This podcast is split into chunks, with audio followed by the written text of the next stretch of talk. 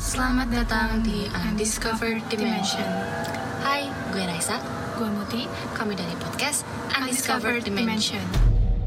Hai, kembali lagi dan kami dari podcast Undiscovered Dimension. Nah, hari ini kebetulan nih kita ada tamu spesial banget. Dia memang bukan dia orang Indonesia tapi ya tinggalnya di luar. Wah, siapa nih Rai? Yang kebetulan memang temen gue dan dia katanya sih dia punya, punya cerita yang mistis-mistis kayak gitu. Wah, kayaknya bakal seru banget nih karena ya, kita pengen tahu banyak tentang cerita-cerita horor apalagi di luar negeri ya. Siapa siapa tahu mungkin Mungkin vibesnya beda kali ya. Iya, betul. Ya udahlah daripada basa-basi, mending kita langsung aja panggil orangnya. Bang, kebetulan Bang sudah terhubung dari telepon. Oke. Oke. Hai. Halo. Oke, nanya kita manggilnya siapa nih? Eh, panggil gue Q aja. Oke Q, kalau gitu boleh diceritain eh, pengalaman-pengalaman mistis lo ketika lo berada di luar negeri atau mungkin ketika lo berada di Indonesia? Jadi gue awal mulanya tuh bisa lihat sekitar 6 tahun kalau nggak salah di rumah gue sendiri em, di Lampung, tepatnya di Pahoman. Jadi katanya daerah rumah Pahoman itu bekas jajahan Belanda. Oh, Hmm, pantes serem ya. nih kalau Iya. bakal Belanda. Oke, oke, lanjut.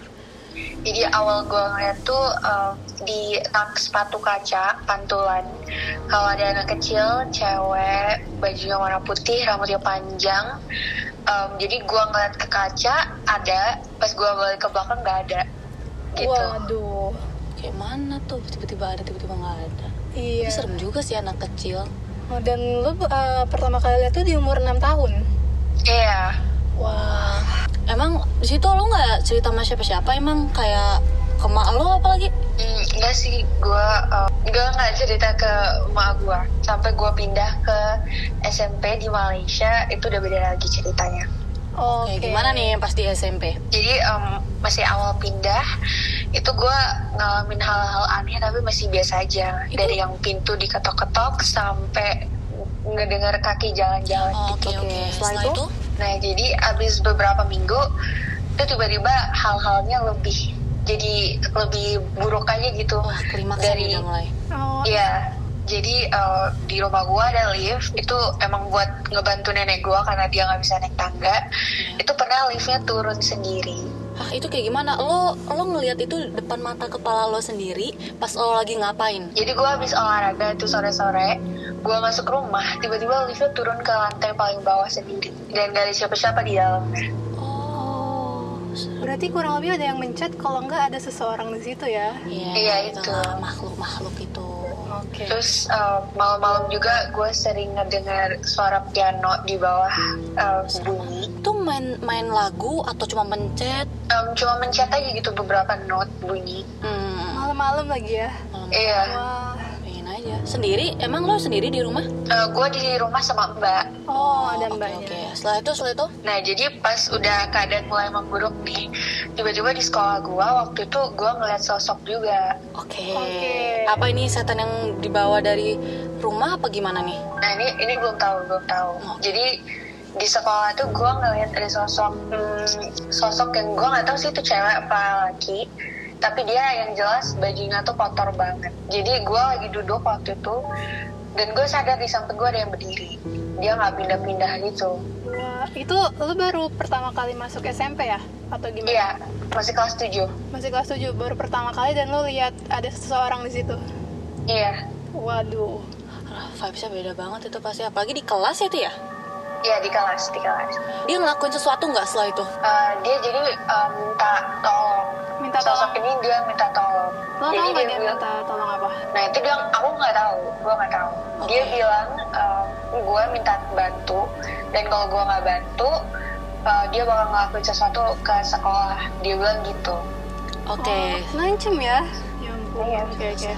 Setelah itu ada kejadian nggak? nah jadi tiba-tiba tuh um, pada naik semua ke lantai dua tepatnya disuruh ke perpustakaan semua Mm-mm. Nah, ternyata di bawah itu di em, depan musola ada yang kesurupan. Waduh. Dimasukin. Pas banget lagi ya itu. Iya. Nah, jadi gue coba ngobrol sama yang cewek kesurupan ini, dan dia nggak- nggak jawab pertanyaan gue apa-apa, cuman ketawa sama guling-guling aja di lantai.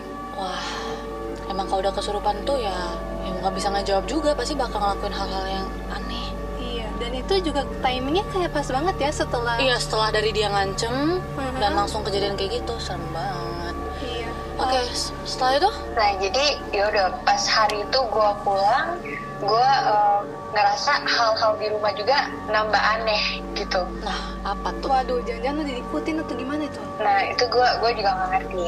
Sampai akhirnya gue ngomong ke bunda gue nih Ah, ah, ah. dan dipanggil Ustad gitu kan em, Iya. buat ngebersihin istilahnya ngebersihin rumah sama gue sama mbak gue kayak didoa doain gitu dan mbak gue itu pas didoain dia muntah-muntah Loh kok gitu? padahal gue enggak jadi gue bingung kan akhirnya di- ditanya gitu sama ustadznya nih dia nanya mbak gue sambil dipegangin gitu kan kepalanya Nah, sebenarnya katanya dia tuh ada jimat di perutnya Hah, Jadi- demi apa? jimat Apaan itu nih, Mbak, dalam jimat? bentuk tali Uh-uh. terus diikat di perut dan seharusnya nggak boleh lepas sama sekali mau ngapain aja tetap harus ada di situ tapi nggak boleh lepas berarti lepas dong nah iya katanya putus tiba-tiba Somehow putus gitu aja gitu. iya tanpa dia somehow sadar. putus aneh Oh. banget berarti awal mula ada hal-hal mistis di rumah dan sampai ke bawah ke sekolah itu berarti penyebabnya adalah Mbak, mbak lu gitu. mbak lo berarti iya katanya sih gitu terus semenjak kejadian itu mbak lo ngapain kayak apa yang dia lakuin setelah itu Jadi em, semenjak itu em, mbak gue diberhentiin gitu kan. Tapi bawaan dia ini sebenarnya menetap di rumah gue sekarang, tepatnya di eh, kamar bawah tempat mbak gue hah Ya waktu ampun. itu tidur. demi apa Astaga. terus terus sekarang nggak ada yang nempatin dong di kamar itu Jadi em, udah dicoba di katanya dicoba diusir gitu kan, disuruh keluar, dia nggak mau. Jadi emang kalau yang sekarang tempat itu nggak ada yang tidurin, boleh sebenarnya dipakai ditidurin tapi nggak boleh lebih dari satu jam, nggak boleh lama-lama di apa situ. itu yang lebih dari sejam itu Kamar itu kalau ya. eh, kalau lebih dari sejam itu banyak sih mbak yang sekarang sama yang dulu juga pernah tidur di situ mereka antara nggak bisa bangun terus gelisah kalau nggak emang nggak bisa gerak sama sekali sampai ada orang yang megang mereka di situ wah udah tuh udah klimaksnya tuh udah udah udah Eh, tapi sebelumnya gue pengen tahu nih Mbak lu itu kok bisa tiba-tiba ada yang ngikutin gitu loh Apakah emang jimat itu tuh jimat penghalang bala Emang dari sananya atau gimana? Apa Mbak lu punya cerita sebelum dia kerja sama lo? jadi eh, katanya di daerah kampung dia dia tuh dari Manado Oke. Nah itu katanya dari bawaan dari keluarganya emang harus pada pakai kayak gitu dan emang dari kecil dia udah pakai itu dari kecil. Oh. Jadi ganti talinya tuh emang sama orang pintar aja gitu. Tuh bisa lepasnya di depan mereka aja. Selain itu nggak boleh gitu sih katanya. Tapi ketika talinya itu putus Mbak lu itu sempat ngerasa ada yang aneh nggak? Kenapa dia, kenapa hantunya itu tuh malah jadi apa ya mengikuti lo kemana-mana gitu? Em, dia juga ngerasain sebenarnya, tapi dia nggak nggak bilang sama gua kalau talinya putus gitu.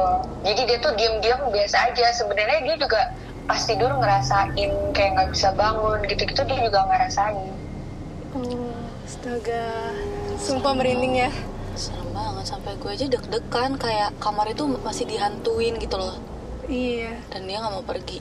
Dan plot twist lagi, gue kira awalnya hantu itu tuh hantu penunggu sekolah loh Ya gue juga mikirnya gitu nggak taunya. Iya, ternyata dari awal dalam mulanya rumah sih. sendiri Iya kan? Oke oke, ini menarik banget Gimana spooker? Serem nggak? Iya, bayangin ketika lo jadi anak baru SMP Punya ekspektasi lo pengen seneng-seneng Yang gitu Ya, malah kan kejadian hal-hal yang kayak Malah gitu. kejadian hal yang mengerikan Apalagi gitu dari mbak lo sendiri di rumah. Iya, oh ya, eh, terima kasih ya Q atas ceritanya yang sangat-sangat Serem lah. Di Serem. luar ekspektasi banget plot twist dan Iya. bener-bener bikin merinding banget. Iya, Ya oke lah, thank you banget nih udah mau ngasih waktu buat kita untuk sharing. Sama-sama, makasih juga udah invite gua. Iya. Oke deh, spookers. Eh, gimana nih cerita pada episode hari ini? Serem banget kan? Ya pastinya serem dong, apalagi five vibes dari luar negeri. Iya. Yaudah deh. Oke, kalau gitu eh, sampai di sini episode 3 podcast kita. Uh, see you next time.